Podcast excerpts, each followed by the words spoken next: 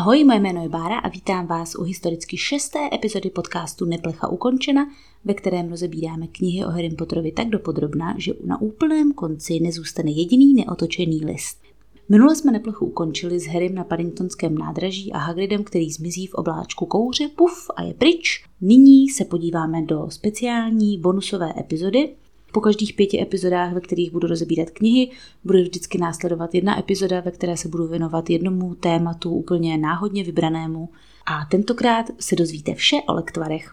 Tak doufám, že vás to bude bavit stejně jako předchozí epizody a že to, že tentokrát nečteme, ale jenom rozebíráme jednu jedinou věc, nikoho neodradí. Taky jsem chtěla ještě zmínit, než začnu se samotným podcastem, že jsem minulý týden vydala první epizodu a moc mě potěšily všechny komentáře, sdílení, zprávy, co jsem dostala a jsem ráda, že se podcast líbí a že ho eh, posloucháte. Popravdě mě překvapilo, že ho poslouchá na, na to, kolik jsem čekala, docela dost lidí a je vidět, že tohle téma prostě nikdy neomrzí. Ani dospělé lidi, ani děti. Takže super, děkuji moc. Tak jo, na začátek bych zmínila, proč jsem se vůbec rozhodla úplně první bonusovou epizodu uh, věnovat zrovna lektvarům je to úplně jednoduché. Já jsem prostě naznala, že nemá smysl to nějak strukturovat, řešit, co, co budu řešit v které části podcastu a tak dále. Prostě já vždycky, když během eh, rozebírání těch předchozích kapitol narazím na nějakou věc, která mě zaujme, ale pro samotný podcast bude příliš dlouhá, tak prostě to rozeberu takhle ve speciální epizodě. No a v předchozí kapitole jsme s Harrym kupovali cínový kotlík a přísady do lektvaru. A já jsem samozřejmě začala trošku pátrat po podrobnostech toho, jak kotlíky fungují, jaké přísady do Lexvaru se dají použít na co a tak dále. No ale samozřejmě to je tak strašně obsáhlé téma, že by se to do té epizody absolutně nemělo šanci vlézt. No a tak jsem se právě rozhodla tomu věnovat tuhle epizodu. Nejdřív bych začala úplně klasicky jako ve škole definicí toho, co jsou to vlastně lektvary. Takže lektvary jsou magická disciplína, ve které spojením různých přísad s magickými atributy vyrábíme různé směsi s nadpřirozenými efekty – tak doufám, že jste všichni usli. No a teď, co to znamená? Takže prostě používáme různé přísady, které mají magické atributy, to je důležité. Mícháme je ve směsi a ty směsi mají díky těm přísadám s magickými atributy nadpřirozené efekty. Jsou zásadní věci důležité pro přípravu různých odvarů a lektvarů a to je správné mixování, správné odvažování a správné míchání ingrediencí. Jednodušší lektvary, které většinou vaří zrovna bradavičtí studenti mladších ročníků, se obvykle pouze vaří, ale v těch pokročilejších je potřeba zapojit i e, práci hůlkou a různé kouzelnické inkantace. Takže vlastně to, jak Snape na začátku první hodiny tvrdí, že v mých hodinách nebude žádné pošetilé mávání hůlkou, je vlastně pravda, akorát pouze do určité úrovně. Já mám za to, že až studenti, kteří splní NKU z lektvaru a nastoupí k tomu studiu na ovce, tak začnou používat při přípravě lektvaru také i hůlku. Takže vlastně ve Snapeových hodinách hry třeba hůlku nikdy nepoužil, protože od 6. ročníku už měl pak přiklana. Celá na snadě je, že ekvivalentem lektvaru by v mudlovském světě byl předmět chemie, který třeba mě osobně vždycky hrozně nebavil, ale věřím tomu, že když se do toho člověk ponoří a pochopí všechny principy chemické, tak to je velmi zajímavý předmět, ale prostě já jsem to nedávala. Eh, lektvary nebo anglicky potions je z latinského potio neboli nápoj, aby nám tady nechyběla nějaké lingvistické okénko. Čaroděj nebo čarodějka, kteří se na přípravu lektvarů specializují, jsou známí pod eh, názvem mistr lektvarů. Lektvary se dělí do určitých kategorií. Máme lektvary léčivé, máme protijedy, samozřejmě jedy, různé roztoky a lektvary zvyšující magický potenciál jedince. S těmi jsme se v knihách nikdy nesetkali a už asi ani nikdy nesetkáme, protože knihy jsou dopsané. Některé lektvary se pijí, některé se dají mazat na tělo a některé vytváří potřebný efekt jenom tím, že vzniknou. To je například eh, regenerační lektvar, ten, co ho použil Voldemort, když se chtěl eh, znovu zrodit. Samozřejmě člověk přemýšlí nad tím, proč je výhodnější použít lektvar než nějaké kouzlo nebo zaklínedlo, protože často lektvary mají stejnou funkci jako právě některá kouzla a zaklínedla a je jenom na tom, co si člověk zvolí za formu toho užití.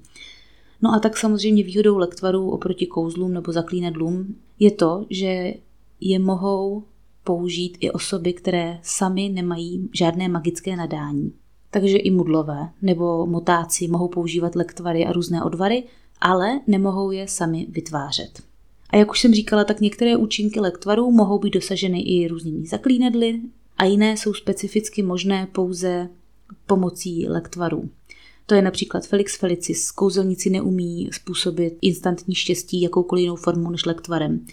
Nebo mnoholičný lektvar. Ten také není možné napodobit jakýmkoliv zaklínedlem. Zaklínedlem můžeme měnit části svého těla, ale změnit se kompletně v jinou osobu by bylo tak náročné a zabralo by to tolik času, že je mnohem snažší použít právě mnoholičný lektvar.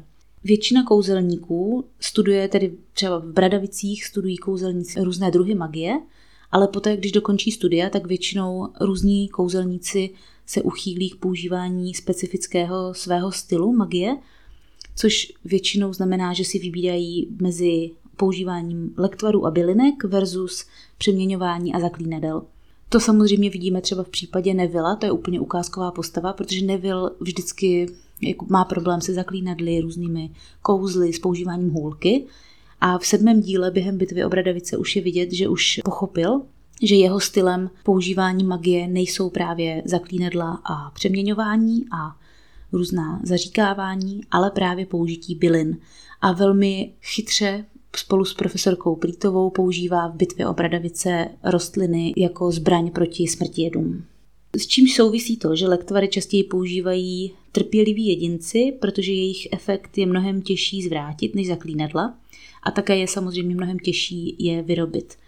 Mistři lektvarů, tedy ti, co používají lektvary spíš než zaklínadla, jsou velmi často lidé, kteří mají zvláštní povahu, protože jejich eh, údělem je dlouho čekat na výsledek jejich práce a také pracují s nebezpečnými substancemi. Takže se o mistrech a mistriních lektvarů říká, že jsou to trošku zvláštní jedinci.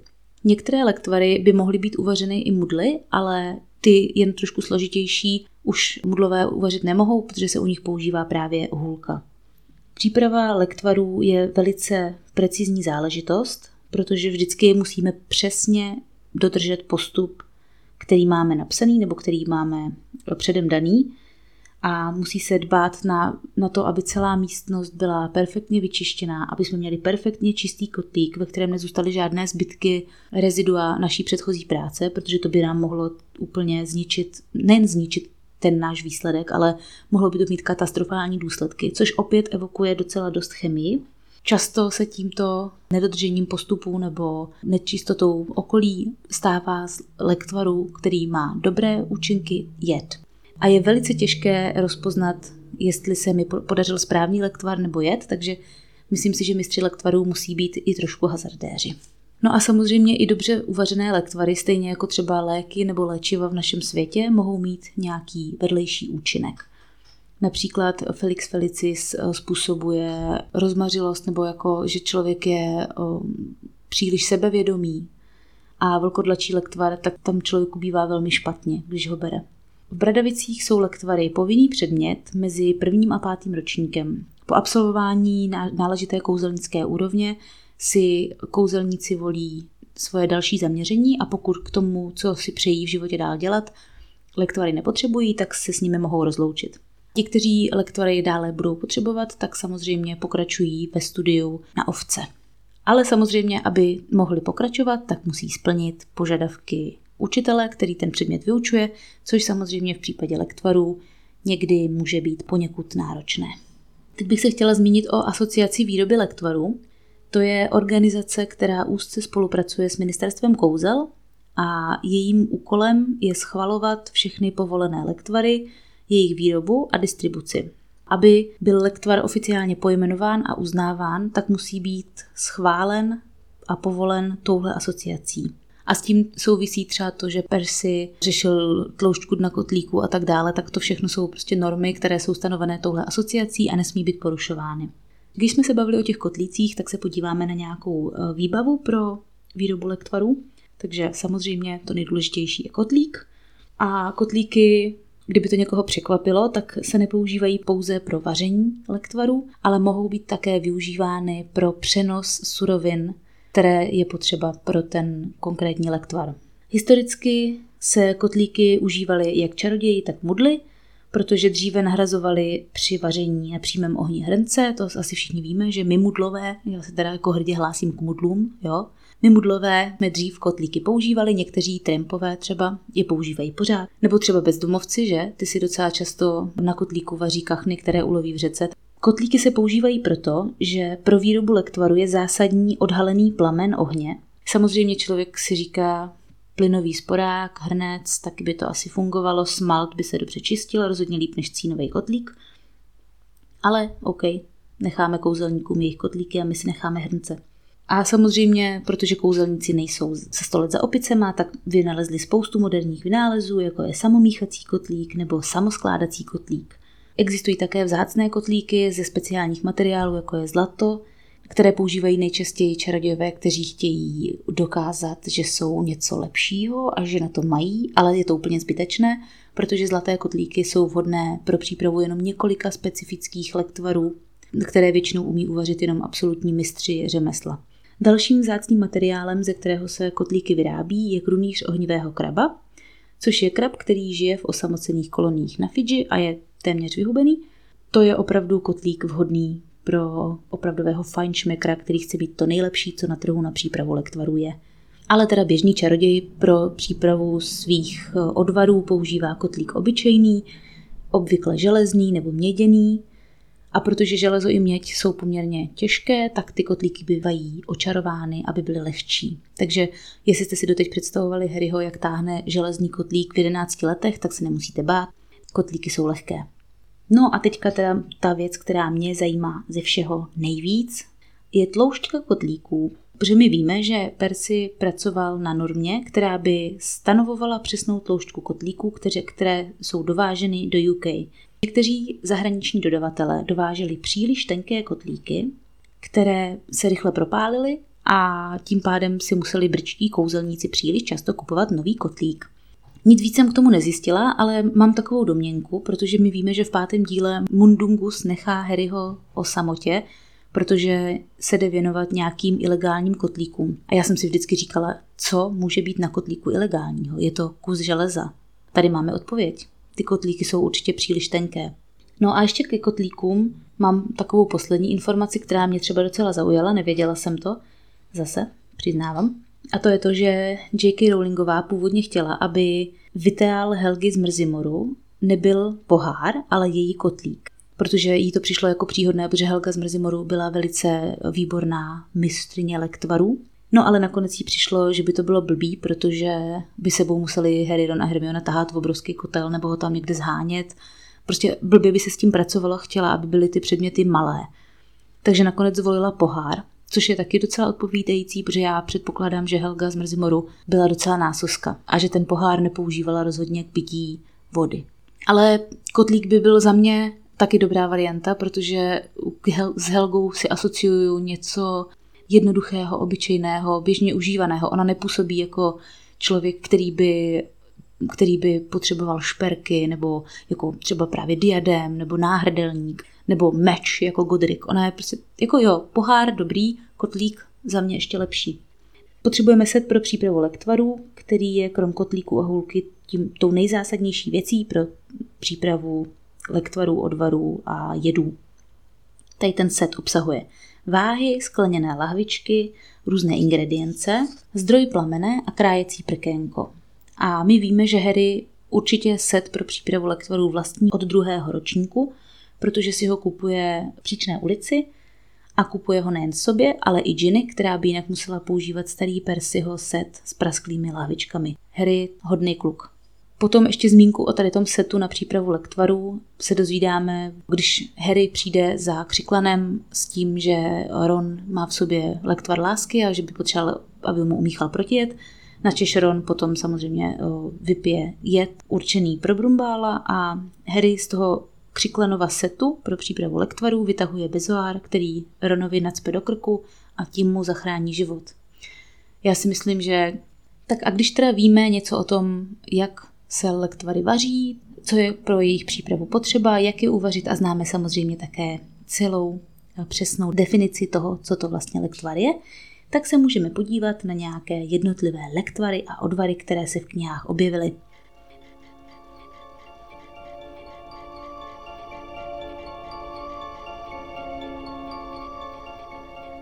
Já tady samozřejmě nebudu mluvit zdaleka, zdaleka o všech existujících lektvarech. Vybrala jsem jenom ty, které byly nějak něčím zajímavé nebo podstatné pro děj, protože jsem si říkala, že list 600 lektvarů by tady určitě neudržel žádného posluchače. Takže se nemusíte bát, všechno jsem to prošla, budu se bavit jenom o těch zajímavých.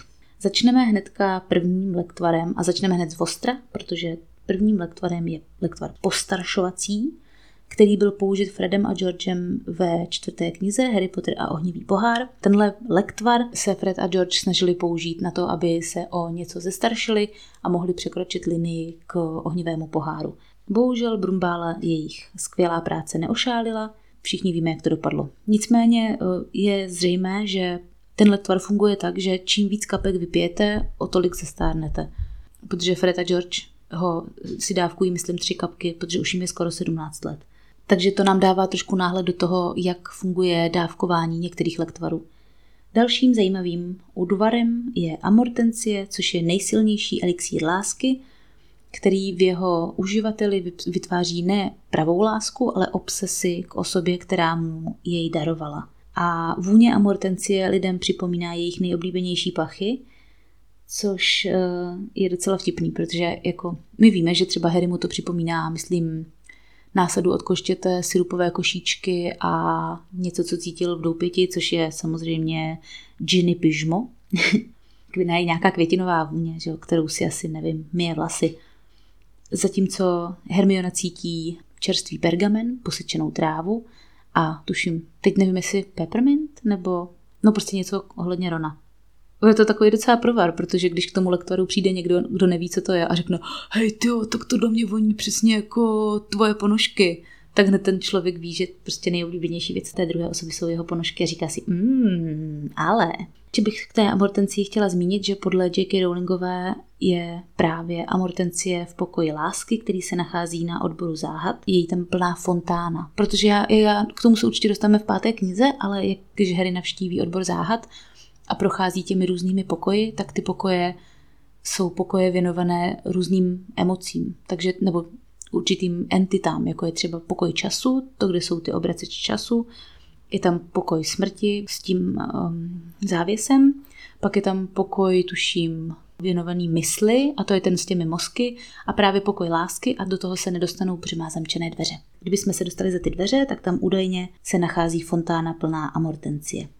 Potom bych zmínila dokrvovací lektvar, který při zranění doplňuje ztracenou krev. Velice jednoduchý lektvar, ale zajímavý, protože to by se nám, jakožto mudlům, velice hodilo, protože by nemuseli lidi chodit na odběry, nemuseli by chodit darovat krev.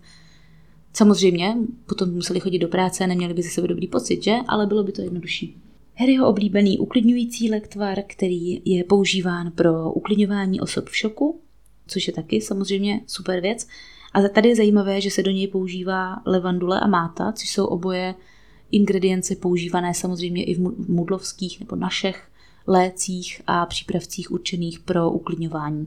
A já jsem si jistá, že Rowlingová tohle velice dobře věděla, když psala popisek toho, co se dává do uklidňujícího lektvaru, protože zaprvé ona sama trpěla depresemi a jak asi většina lidí ví, a určitě používala různé věci a možná používá dodnes.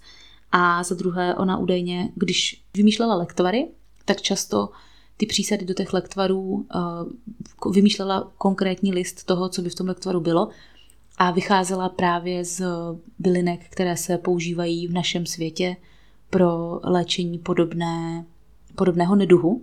Akorát k tomu pak přihodila nějaký mlčí oči a já nevím, roh z třeskavého skvorejše. Dalším lektvarem je lektvar na léčení vředu, který odstraňuje puchýře, a já ho zmiňuji proto, že to je jeden z úplně nejjednodušších lektvarů, které se dají vyrobit a je to konkrétně lektvar, který vaří první studenti prvního ročníku v Pradavicích na své první lekci. Takže to je taková trošku nostalgie.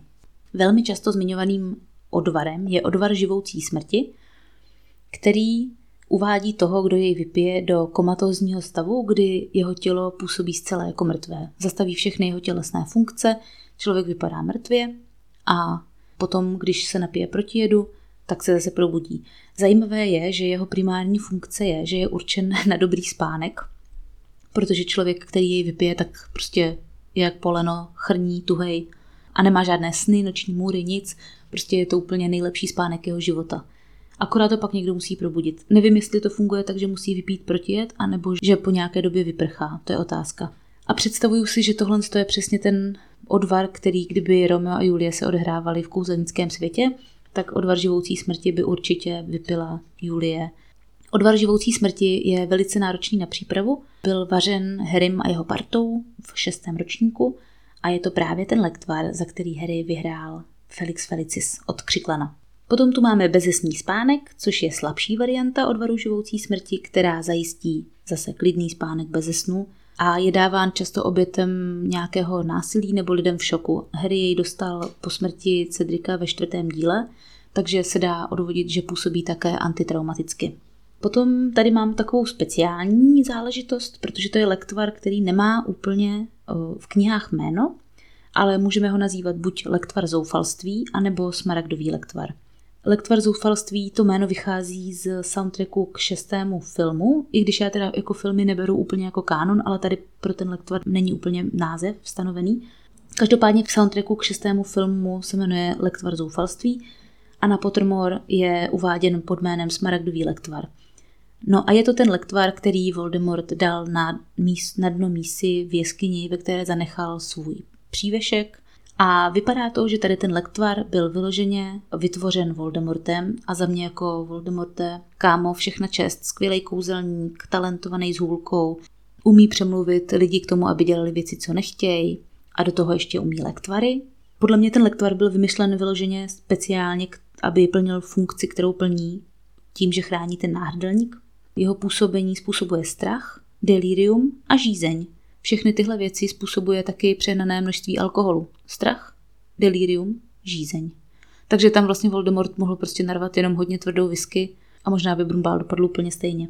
Také je na něm specifické to, že nelze být odstraněn jinak než vypitím. To je tak specifický lektvar, že se dá použít právě jenom pro ochranu něčeho ceného a to ještě v kombinaci s jezerem plných nemrtvých osob. Takže Voldemort na tom musel dělat nějakou dobu a ve výsledku je to lektvar, který se dá použít vlastně jenom na jednu věc. No hned další lektvar je asi jeden z nejslavnějších lektvarů téhle série, o kterém se lidi nejčastěji, skoro nejčastěji baví, a to je Felix Felicis, neboli tekuté štěstí. Felix Felicis, jak už jsem zmiňovala, je tekuté štěstí, což je stav, který by samozřejmě každý z nás zažíval rád celoživotně, takže můžeme říct, že to je droga.